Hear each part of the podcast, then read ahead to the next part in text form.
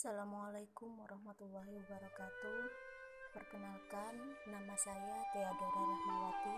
Saya peserta Latsar PNS Kemenak 2021. Angkatan 7, kelompok 3.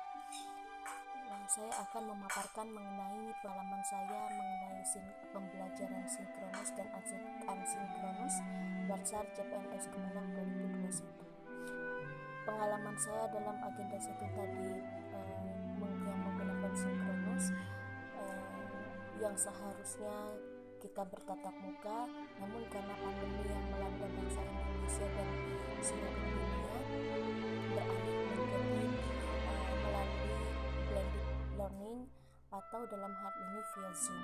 Jadi pembelajaran yang diikuti melalui Zoom dan media lainnya. Adapun kekurangan dan kelebihan.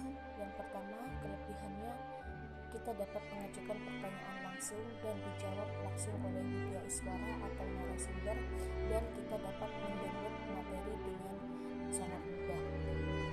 Adapun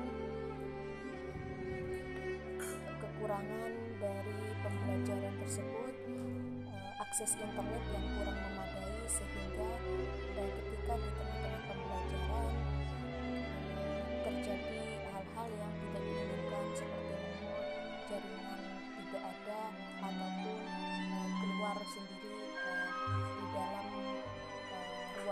zoom tersebut. Yang kedua ada ada pun waktu yang terbatas karena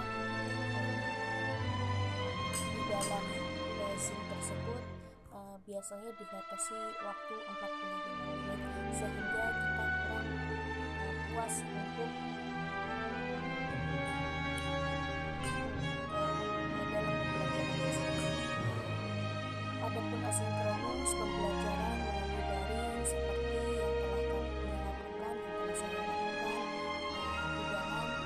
Atau pembelajaran mandiri di mana eh, materi atau modul dapat diakses dengan mudah yang diperoleh dari panitia maupun guru.